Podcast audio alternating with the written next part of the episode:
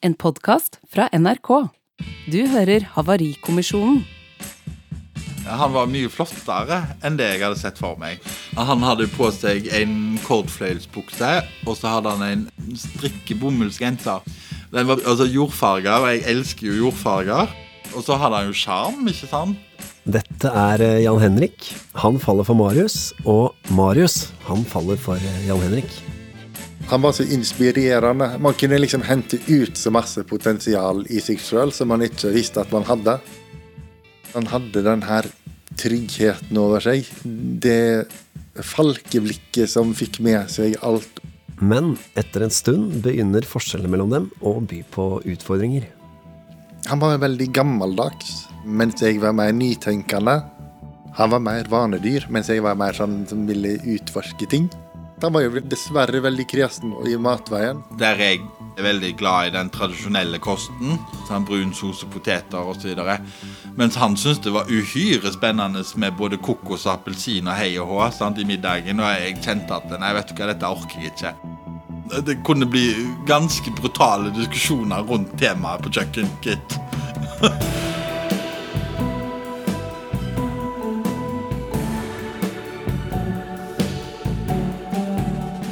Dette er eh, Havarikommisjonen. Jeg heter Eivind Sæther, og sammen med psykologene Katrin Sagen og Sindre Kvitil Aasli skal jeg dykke ned i det som en gang var en lykkelig kjærlighetshistorie, og prøve å finne ut hvorfor eh, det havarerte.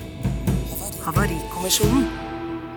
Katrin, eh, kjøkkenkrangling. Her er det appelsiner og poteter og det som høres ut som bitte små ting. Er det sånn at forholdene våre ryker på småting? Her må jeg nesten svare ja og nei. Ja. Fordi at under disse småtingene så ligger det alltid store følelser og større på en måte ting, hvis vi kan si det sånn. ja. Sindre?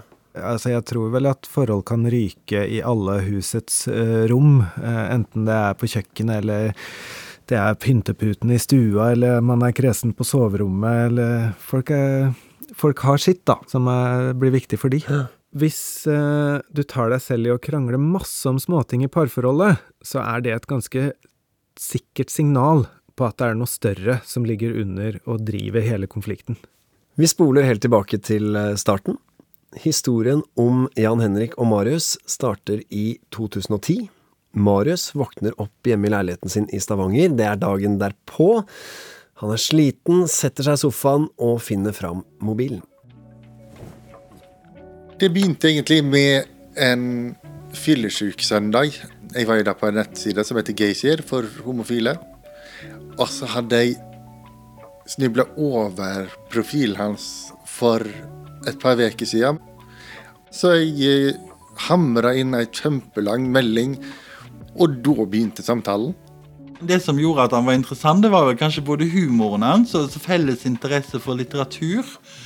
Så det var jo det som på en måte var gnisten, tror jeg. Altså At vi kunne diskutere litteratur og delte liksom gode titler. Har du lest den? Og, og snakka om den, og hva opplevelse det ga.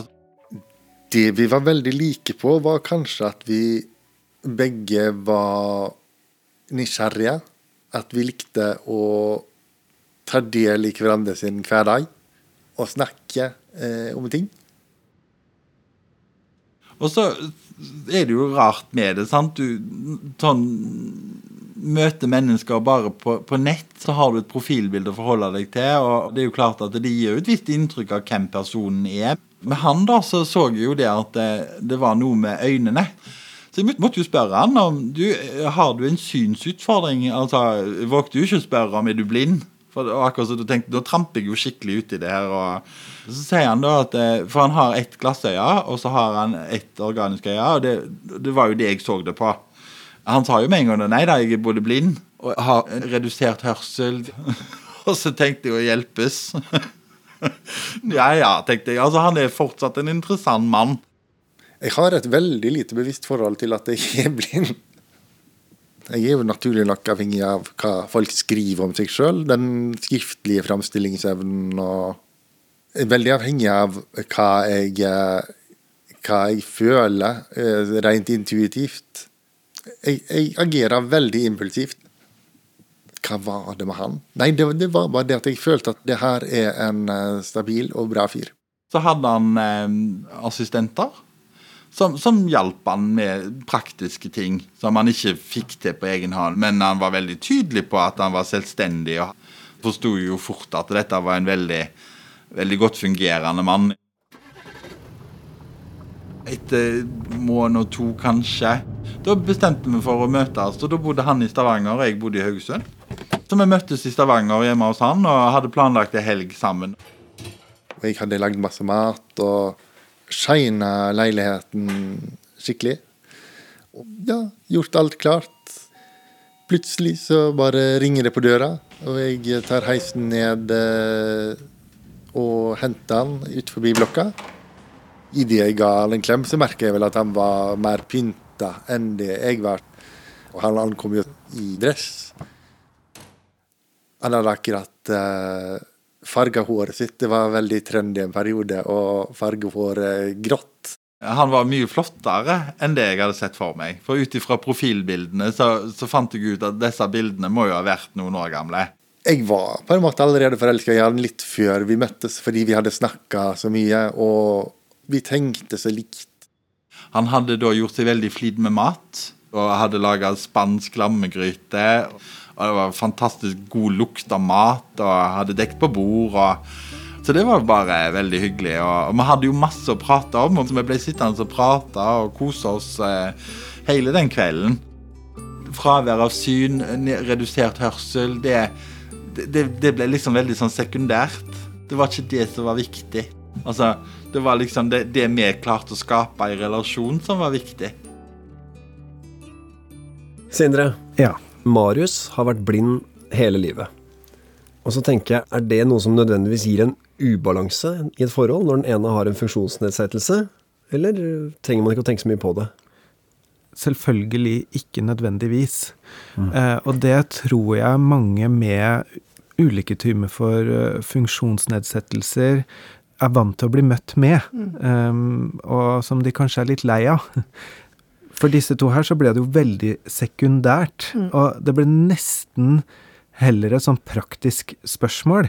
Eh, fordi eh, ja, han hadde assistenter og fikk hjelp til det han trengte, sånn at da kunne de ha fokus på å eh, bygge relasjonen seg imellom.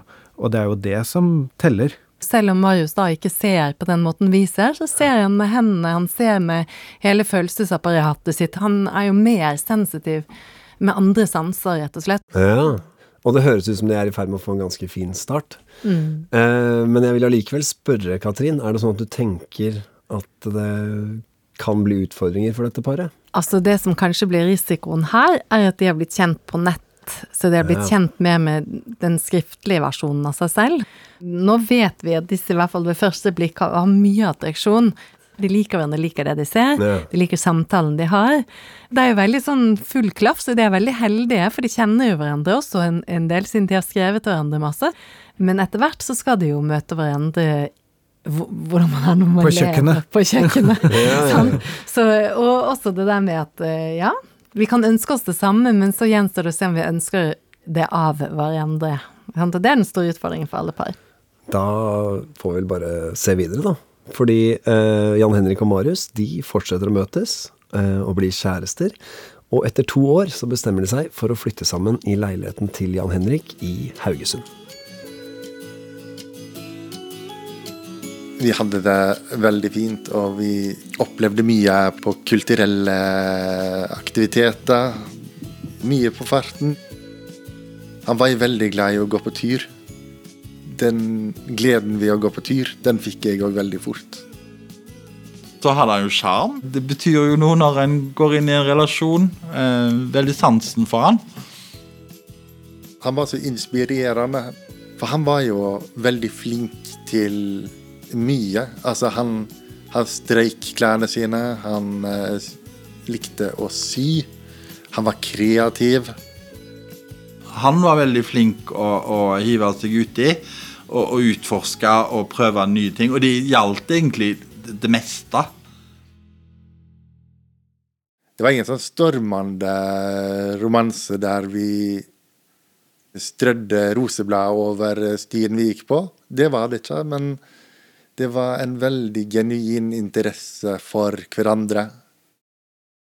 Begge to har nok reflektert over det at eh, et kjæresteforhold bygger jo på et godt vennskap. Eh, Altså, En kan ha en seksuell relasjon med hvem som helst, sant? der det bare er den tekniske nærheten, at en får utløp for lyster og, og energi og, og spenning og, og det som er. Men, men skal en være kjærester, så, så må det jo være et vennskap i bunn å bygge på. Og Det var vi veldig enige om. Når vi flytta sammen, så ble jeg jo litt mer kjent med altså, hans hverdagslige jeg, den han var når det ikke var helg. Han var jo vel, dessverre veldig kresen i matveien. Det er jo en, en sånn em, tradisjonell nordmannstankegang. Eh, sånn brun sos og poteter osv. Mens han syntes det var uhyre spennende med både kokos, og appelsin og hei og hå. Jeg kjente at nei, vet du hva, dette orker jeg ikke. Jeg eh, eksperimenterte jo bare. Improviserte av det som var i skapet. Så jeg måtte jo av og til, for å få i meg eh, alt det jeg mener et eh, noenlunde OK kosthold skal inneholde, så måtte jeg av og til blande en gul paprika. For det var ikke så lett å kjenne igjen i maten. Jeg er jo kresen. Det kunne bli ganske brutale diskusjoner rundt temaet på kjøkken, gitt.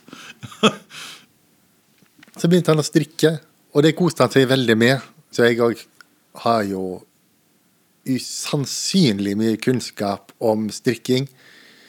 Eh, som eh, da er helt ubrukelig. All den tid jeg ikke håndterer strikkepinner. Så var det under et hotellopphold i Bergen at jeg var veldig sugen på å gå på Husfliden. Og, og så er jeg veldig sånn kvalitetsbevisst. Og så hadde jeg fått tak i noe strikkemønster til noen selbuvotter. og, og da kom det en sånn kommentar Er du nødt til å strikke nå òg? Nå er vi i Bergen, du kan jo gjøre noe annet enn det vi pleier å gjøre.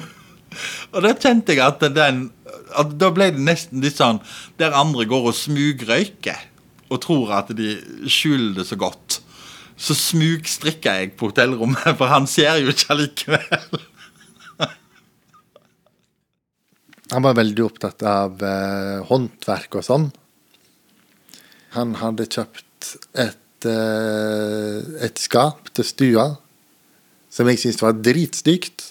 Ja, det syns alle andre òg, altså, bare til mitt eh, store forsvar. Men han hadde alltid drømt om å ha et sånt skap, sa han. Det var sånn 50-60-tallsmøbel. Dekketøyskap, tredelt. Og jeg kjøpte det bare. På impuls. Og jeg hadde en så klar idé om hvor det skapet skulle stå, og hva det skulle fylles opp med, osv. Og, og ringe hjem eh, på vei hjem og, og fortelle at du, jeg har kjøpt et skap sånn og sånn, og høre at dette ble kjølig mottatt.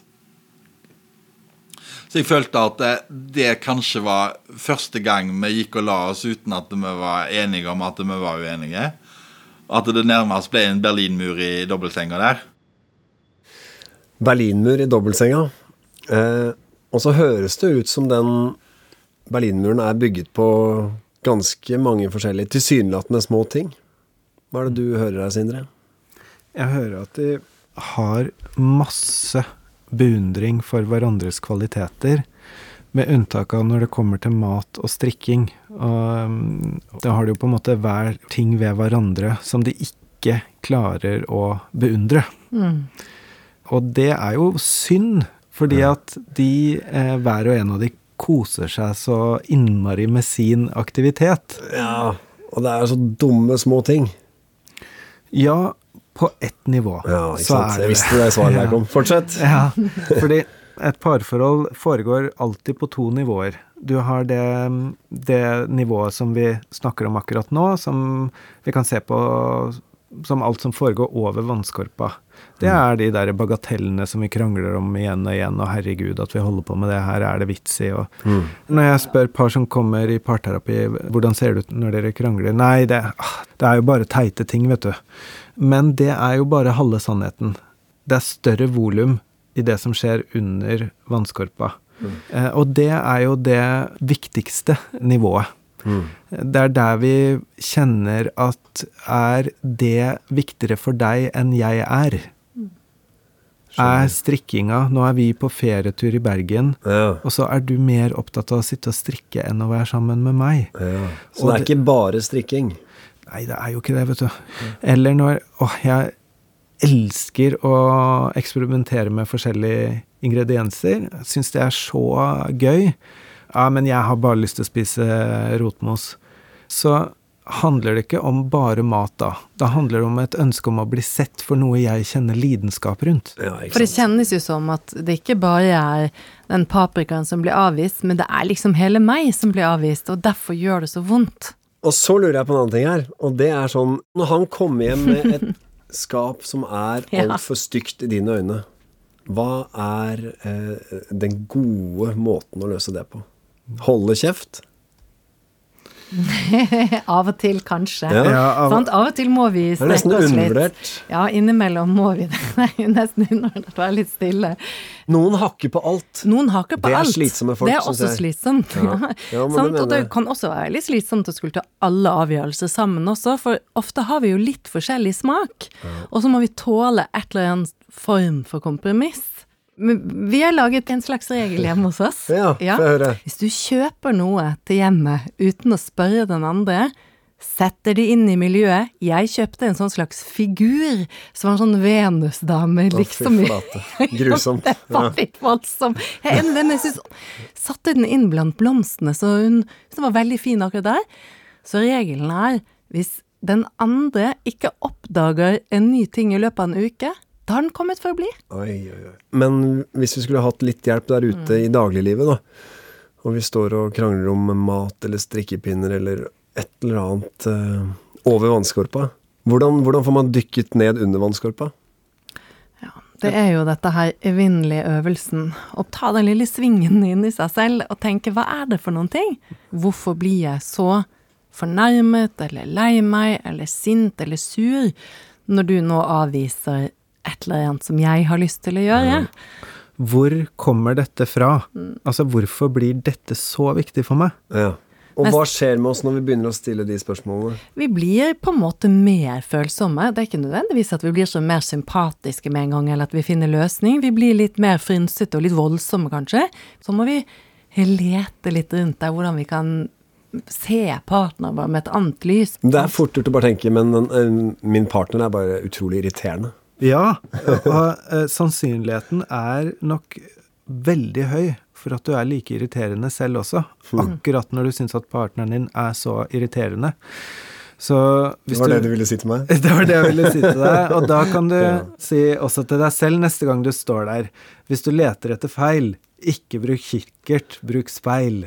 Oi, oi, oi. nemlig. Ja, dette var vakkert. Men jeg lurer litt på om dette her, om de er usikre på hvor viktig det er for hverandre. At det, at det er litt under vannoverflaten her. Fordi at um, at de tar seg på vei. sant? De kjenner seg utenfor eller alene, virker det som. En del. Alene i det som gir de energi. De får så viktige egne prosjekter. At det høres ut som at det går litt på bekostning av fellesskapet, eller du, du og jeg. Men da passer det jo fint nå eh, å gå tilbake til Marius og Jan Henrik og finne ut hva som faktisk blir eh, utfordringene mellom dem. Jeg er jo sykt glad i søtt, men det er så smågodt. Det, det var liksom Det var toppen på lykke, det, altså. Å fylle posen og oppi skål og det hele tatt. Jeg hadde på en måte gått litt opp i vekt gjennom hele forholdet, fordi vi hadde litt ulikt eh, kosthold, og jeg selvfølgelig måtte tilpasse meg litt, han òg. På et tidspunkt så ble jeg veldig sjuk. Jeg fikk veldig kraftige anfall av øresus, som var så sterke at hørselen min ble eh, ødelagt i store perioder. Så i 2016 så brukte jeg fryktelig mye tid på sofaen bare med å være sjuk. Det lot jeg jo selvfølgelig kombinere med å spise litt smågodt. Og parallelt så går jeg og er veldig lei og nedkjørt i den jobben jeg er i. Og når han da er sjuk og ligger mye på sofaen og har det veldig dårlig, og det påvirker jo forholdet, det òg, og jeg ikke har veldig mye overskudd til å ta meg av han og støtte han. Men på et tidspunkt så fant jeg ut av at denne smågodtposen skal jeg kanskje ikke forsyne meg mer av. Jeg begynte å interessere meg mer og mer for kosthold, for jeg tenkte at hva kan, hva kan jeg sjøl gjøre for å bli bedre? Så da begynte jeg å legge om kostholdet. Det er klart, når han da går veldig opp i dette med kosthold og, og dyrker det, og det er liksom den store hovedinteressen hans, og så har du meg på andre sida som er så kresen som jeg er. Men han var jo ikke interessert i å ta del i min uh, matreise. Han ble jo laga seg en del middager som han kunne spise, og så ble jeg å lage noe utenom. Kiloene raste av, eh, bokstavelig talt. Men det som òg skjedde, var at jeg endra meg veldig. Og jeg ble på en måte veldig mye lettere til sinns òg. Plutselig så ble jeg veldig mye mer utadvendt. Men han ville på en måte bare fortsette å sitte i stolen og strikke. Det var jo en livsstilsendring han gikk gjennom, og, og den klarte jo ikke jeg å henge på. Altså, jeg var for sliten til å, å gå inn i det med, med noe engasjement, rett og slett. Men jeg ble mer interessert i å utforske verden. Plutselig så ville jeg reise. Utforske nye plasser. Men han var Han var ikke der. Katrin, Mm. hva er det som skjer her? Nei, det blir på en måte mer og mer parallelt liv. Eh, også fordi at Marius eh, går gjennom en, eh, en krise, mer sånn helsekrise, er syk, og løser den ved å løpe enda raskere ut i det sporet som Erna Henrik ikke er med i. Så dermed blir det enda mer parallelt og vanskeligere å få de der gode samtalene som de hadde i begynnelsen. For det høres jo ut som at disse to her de kom fra hver sin kant til livet. De har jo levd eh, uten å kjenne hverandre fra før av. Og så møtes de eh, på samme sti, og så går de sammen, og så skjærer de litt fra hverandre noen ganger på ulike interesser. Men nå høres det ut som at de er kommet til et veikryss hvor de liksom virkelig går ulike stier, da. Så nå blir avstanden så mye større enn den har vært til nå. Mm, og da er det jo en så stor kontrast at det er lett å flippe over og plutselig kunne få nesten litt sånn foraktfølelse for hverandre. Jeg vet ikke om de har det akkurat, men når, når kontrasten blir så stor, så er det lett at det blir litt sånn. At, man, at det kjennes så fremmed det den andre driver med, at man nesten blir litt sånn åh. Men, men eh, fiks det, da. Hvordan får man dratt Stine inn og gjort dem pene igjen? Jeg vil jo ha de igjen ned til følelsene sine. Det er jo dit vi som psykologer arbeider. Ja. Vi tenker jo at uh, Hva er det det betyr for deg at eh, Jan Henrik ikke klarer å, å henge seg på den der helsebølgen? sant? For man kan jo alltids tenke det der er ikke noe for meg, men går det an å finne noe for meg i dette landskapet? Trenger kanskje ikke å være med på maten, men kanskje man blir med på litt mer tur, eller det er noe At det kan kjennes som fellesprosjekt. Hvem er det sitt ansvar her, da? Vanskelig spørsmål. Men jeg, tenker, jeg skjønner jo også godt at det er irriterende å bli sittende på sofaen der og føle seg som en dass og se han der andre friskusen bare løpe blid ut døra. Det er kjempeirriterende. Over, over Ja. vannskorpa, da, så Ja. er det kanskje irriterende. Under vannskorpa så er det kanskje ensomt. Ja. for begge to her Og å prøve å kjempe parets sak, og det er jo begges ansvar. Det vil alltid være begges ansvar. Men å, å, å si 'jeg tror jeg er litt ensom', Ja, eller si 'hva skjer med oss'? Hvor er vi blitt av? Savner deg. Kjenner deg ikke lenger, jeg blir redd av det. Er det fremdeles oss, selv om vi holder på med forskjellige ting? Ja. Men det, det jeg lurer på er jo sånn Må man ha felles koordinerte livsendringer? Og må alt planlegges hele tiden? Kan man ikke liksom få lov til å forsvinne litt ut i sin eh, egen lille retning også? Jo, og det tenker Ja. jeg vi må.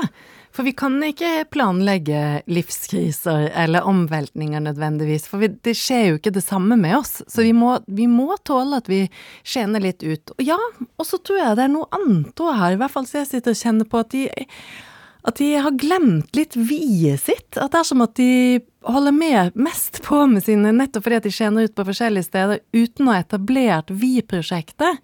Da blir det veldig vanskelig. Da føles det veldig lett ensomt, for de, vet ikke når er det veiene våre krysses igjen. Hva er parforholdet vårt, hva er vi opptatt av? Ok, Det er kanskje selvsagt, men hva er Vi-prosjektet? Vi-prosjektet er på en måte hva, hva er paret vårt opptatt av. Når er det parforholdet skikkelig liksom vokser og henter energi? Jo, vi, er, vi liker å gå på tur, eller vi liker å ha middagsgjester, eller vi liker å stå opp tidlig og vaske hele huset, og så nyter vi det etterpå. Eller man lager seg, eller vi er sånne som kysser hver gang vi går på jobb. Vi drikker Ja. kaffe sammen eh, etter middagen, ja, sånn er vi. Liksom det der. Disse høres veldig koselige ut, alle disse videoene. Vi liker å krangle på fredager, sånn at helgen blir Ja, dabber det. Men Se for deg parforholdet som en egen person med egne behov. ja. Hva skal til for at den personen blir glad og Ja. trives? Mange syns det er litt klissete og flaut, men jeg syns jo og det er en veldig god øvelse. At man kan kjenne sånn Jeg har lyst til å strikke, du har lyst til å lage nye matretter, men paret vårt, de har lyst til å ligge sammen, eller la oss bare ta en for Den skal jeg prøve neste gang. Jeg, gjør det. Jeg har hørt fra paret at Ja. det burde bli noe ligging. Ja. Ja. Men Men er det sånn at man må man vite hva Vi-prosjektet er? Det kan være lurt å vite det. Men hvis vi har sånn noe vi-prosjekt, så tåler vi mye bedre Nettopp. Da kan man begynne å Du-prosjektet og skli litt ut, jeg-prosjektet. ikke sant? Ja. Så det eh, eh, våre venner her i paret kanskje eh, Det som blir litt problem for dem, er at de sklir ut uten å ha et helt klart Vi-prosjekt, eller? Ja, jeg tenker det. Sant? Og, og det de snakker om da, er jo det der at eh, personlighetsforskjellene deres kommer så veldig frem, og ligger så veldig foran i, i livet hele tiden, og det kan være ganske skremmende. Og det er ikke sånn at det nødvendigvis faller seg så naturlig å like hverandres forskjeller eller ulike trekk. Nei. En stor del av jobben med å være i et langvarig parforhold er jo å håndtere eh, det at man faktisk er forskjellig. Men hvis partneren din er veldig glad i å spille basket, og du kan ikke fordra det selv, så er det en god investering å allikevel ta turen og se på en basketkamp når kjæresten din spiller. Ja. Et råd er jo prøv å tenke gjennom når er det jeg ser partneren min som mest engasjert eller interessert i noe. ja. Oppsøk der partneren din er akkurat det, og koble deg på. Og vær engasjert sammen med partneren din. Vi aner vel uh, at Jan Henrik og Marius er på vei inn i litt sånn uh, ulendt uh, terreng, så la oss vende tilbake til dem og se hvor det blir av dem. Jeg kjente vel etter hvert på en slags form for ensomhet. Og den ensomheten var vel kanskje et uttrykk for at vi var for ulike. Men forholdet er nå alltid sånn, opp og ned. I en periode er en kanskje mer eh, enig enn andre perioder og har det bedre enn og mindre bra og, osv. så. Eh, Så kommer jo da november, trist og mørkt, og, og da hadde vi egentlig hatt det veldig fint en liten periode rett før. Sånn, der vi kjente på at jo da, men livet er godt. Og så ringer han mens jeg er på jobb og, og forteller at faren er, er død, veldig plutselig. Ikke noe foranledning. Og når jeg kom hjem, så er jo han helt i, i sjokk. Jeg var jo i en sårbar situasjon. Bare det at pappa plutselig var, var vekk. Så vi eh, reiste til eh, min familie i Nordfjord. Og så sitter vi og snakker om hva slags eh, salmer vi skal ha i begravelsen og sånn, og så sier lillesøstera mi at jeg vil veldig gjerne ha You'll Never Walk Alone. For pappa var jo Liverpool-fan. Og jeg kjente det bobla innvendig. Det er klart at kirka skal være raus, og det skal være høyt under taket, og Men det, det, er så mange andre ting en kan velge enn en fotballsang. Og han sier med en gang nei, det er Guds bespottelse. Så det, det var viktig for meg, ut ifra mitt livssyn òg, da. Og ga klar beskjed om at dette er ikke noe godt valg. Det passer seg ikke. Og da kjente jeg at det, nå tror jeg kanskje ikke vi greier å hente oss inn igjen. Problemet er jo ikke at han sier det han sier. Problemet er jo på en måte hva det han sier, gjør med meg. Sindre, Mm. hva tenker du? Jeg kan i alle fall godt forstå om eh, dette ble banesåret for dette paret. Eh, når krisen rammer sånn som den gjør for eh, Marius ved å miste pappaen sin så brått, så trenger vi mest av alt å bli holdt. Um, og så skjer dette med uh, valg av låt til kirka som går på tvers av noen verdier som Jan Henrik har. Og da klarer han dessverre ikke å holde Marius sånn som eh, han virkelig har behov for da. Ja, for det der er eh, altså sånn Der og da, idet de ordene faller, så blir ting ødelagt. Det blir litt som et sånn knekkpunkt, som vi kaller det for. Hvor det blir sånn ordentlig tillitsbrudd på en måte i parforholdet. Det I Marius' historie vil jeg tro at det lander litt som at Var du der for meg da jeg trengte deg som mest? Svaret er nei. Og det tåler vi ikke så godt. Det er det vi kaller for et knekkpunkt. Og skal vi overleve det i parforholdet, da må det repareres veldig. Men det er jo voldsomt. Det er jo, det er jo farens begravelse. Det er jo inn på noe av det næreste. Det er jo et virkelig knekk. Sant? Ja, men absolutt. Og det kan også være et veldig knekk eh, på en måte i en Henriks verden, også hvis han har en sterk gudetro, og det kjennes som at ja, men vi skal jo lage en verdig begravelse for pappaen. Skal det liksom ødelegge avslutningen for livet hans?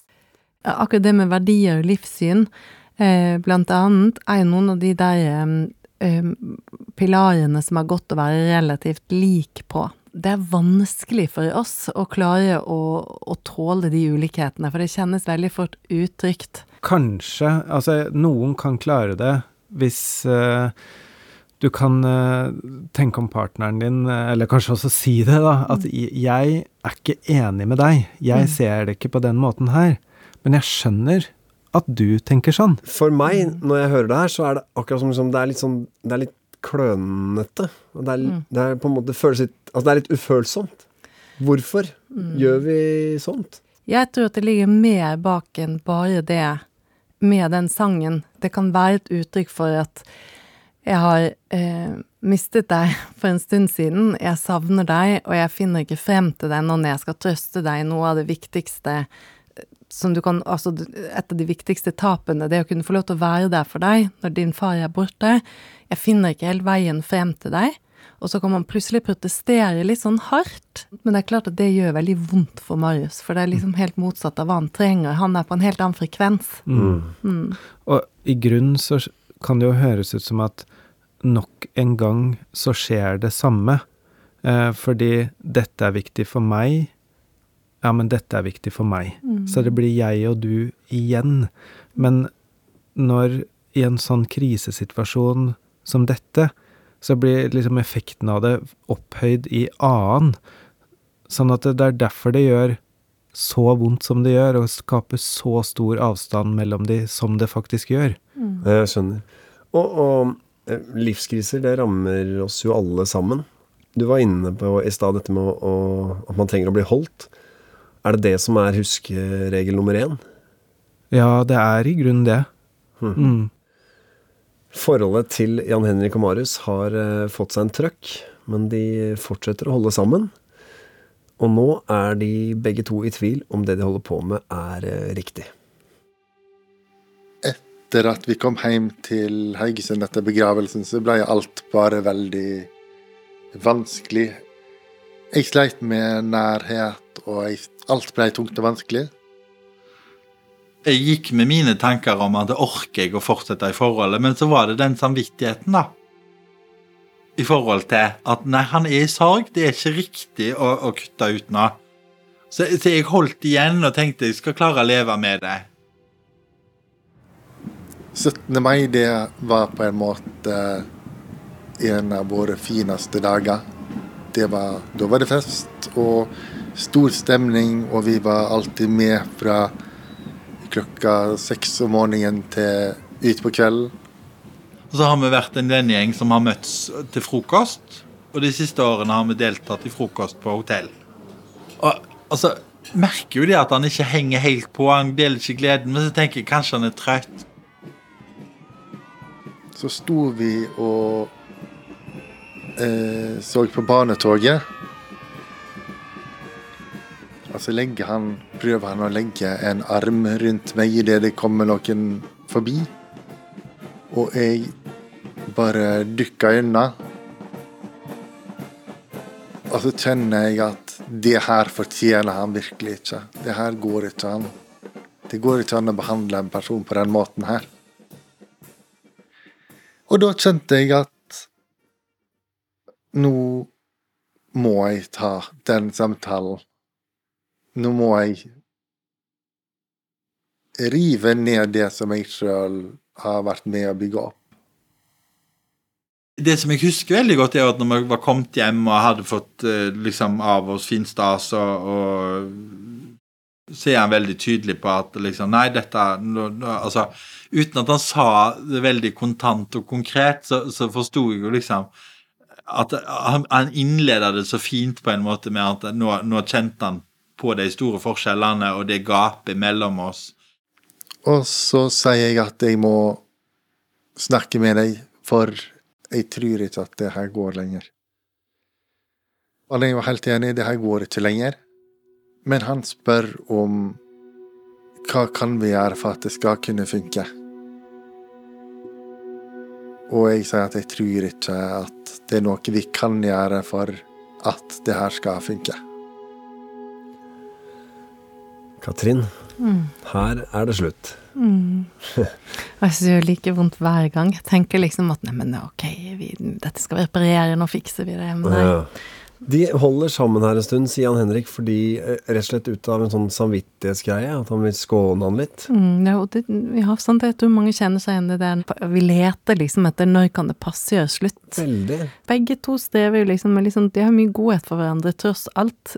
Jan Henrik sier det, det kan ikke, han er fremdeles i sorg, og mens Marius på en måte sliter med nærhet og får dårlig samvittighet for at han ikke er en god kjæreste lenger. Men er det riktig å bli værende i et forhold pga. samvittigheten? Det kan være det. Ehm, og jeg tror det er vanlig i perioder at det står og henger på samvittighet eller forpliktelse. Um, Ja. Men hvis det er den tråden det henger i for lenge, og vennskapsfølelsen ikke er der, du syns ikke det, den andre er, er noe attraktiv lenger Nei, for her blir det jo helt sånn fysisk. Altså, jeg vil ikke ha Mm. hånda di rundt Mm. meg engang. mm. Det er kanskje et greit signal. Det er jo her Marius handler, ja. Når Ja, han kjenner sant? det, så kjenner han det. Sånn kan jeg faktisk ikke være Mm. mot mannen min, rett og slett. Mm.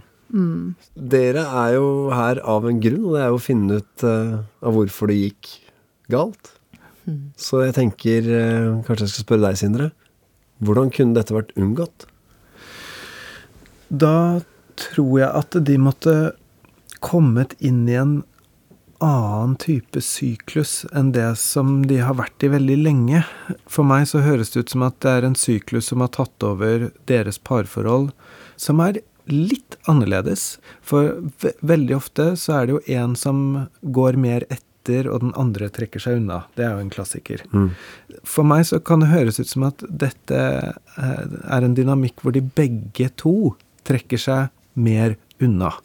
De har ikke så mange heftige krangler, høres det ut som, og det virker som at de begge to har en tendens til å holde ting inni seg, selv om de kjenner at det ligger noe i lufta. Så måten å endre det på, det er jo å ta fatte mot til seg og si noe om hvordan lufta kjennes ut. Kan jo være at det hadde vært lettere for de eh, å tåle å lære seg å like hverandres ulikheter og leve på en måte kanskje til og med litt forskjellige liv, hvis de hadde hatt et større vi og en, et slags eget vi-landskap, hvor man er par, og så gjør man forskjellige ting hver for seg. De har jo vært sammen en stund, og de snakker om at det går opp og ned. Sant? Og det er jo en del av det å være et par, at man må tåle at vi faller litt inn og ut av kjærligheten. Det er ikke alltid liksom like varmt og interessant. Nei, nei, nei. Men hvis det blir mest eh, avstand, og den ensomheten sniker seg inn, da må vi ta det på alvor. Så vern om vi-et. Ja. Havarikommisjonen. Jan Henrik og Marius, nå eh, har dere fått eh, høre hva kommisjonen sier. Og eh, jeg er jo da nysgjerrig, Marius, på hva tenker du om det terapeutene sier om dere? Det er mye som er riktig. Jeg hang meg jo veldig opp i det her med Vi-prosjektet og Vi-landskapet, som i begynnelsen inneholdt uh, utrolig mye, og plutselig ble altfor lite. Ja, det var treffende. Ja, det var treffende. Absolutt. Jeg lurer jo også på uh, hvordan er eh, forholdet mellom dere nå? Jo da, vi er fremdeles på mannskapslista tar hverandre, da. Så jeg og Marius har et godt forhold. Vi har kommet godt ut av det. Altså, vi trengte jo ikke fortsatt å holdt noe kontakt. Altså, jeg vet jo mange som, som eh, ender sine, sine nære forhold på den måten. Men så var vi hverandre sine beste venner og allierte i mange tilfeller, og så vi valgte den annerledes. Vi omgås jo, altså Hvis han har behov for å snakke med meg, så ringer han nå. Eller hvis jeg har, har behov for å snakke med han og trenger den samtalepartneren som jeg en gang hadde, hmm. så er det jo bare å oppsøke han, da. Men jeg må bare si at jeg syns jo det er veldig hyggelig å høre at vennskapet består litt. Og så må jeg bare få lov til å takke dere begge to for at dere var med og, og delte deres eh, historie med oss. Så Marius Jan Henrik, tusen takk. Har du lyst til å høre andre parhistorier, så finner du flere episoder av Havarikommisjonen i appen NRK Radio. Denne episoden av Havarikommisjonen er laget av Lisbeth Fauske Løland, Maja Østerud og Caroline Møller. Lyddesign Lillian Grønning. Vignettmusikken er laget av Kloroform. Redaksjonssjef er Randi Helland, og mitt navn er Eivind Sæther.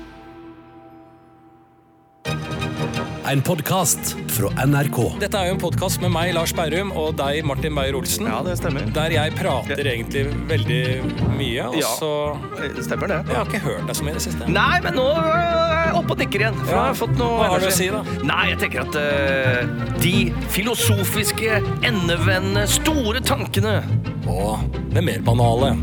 Da er podkasten Berrum og Beyer snakker om greier noe for deg. Det er i Absolutt. hvert fall vår mening. Berrum og Beyer snakker om greier hører du først i appen NRK Radio.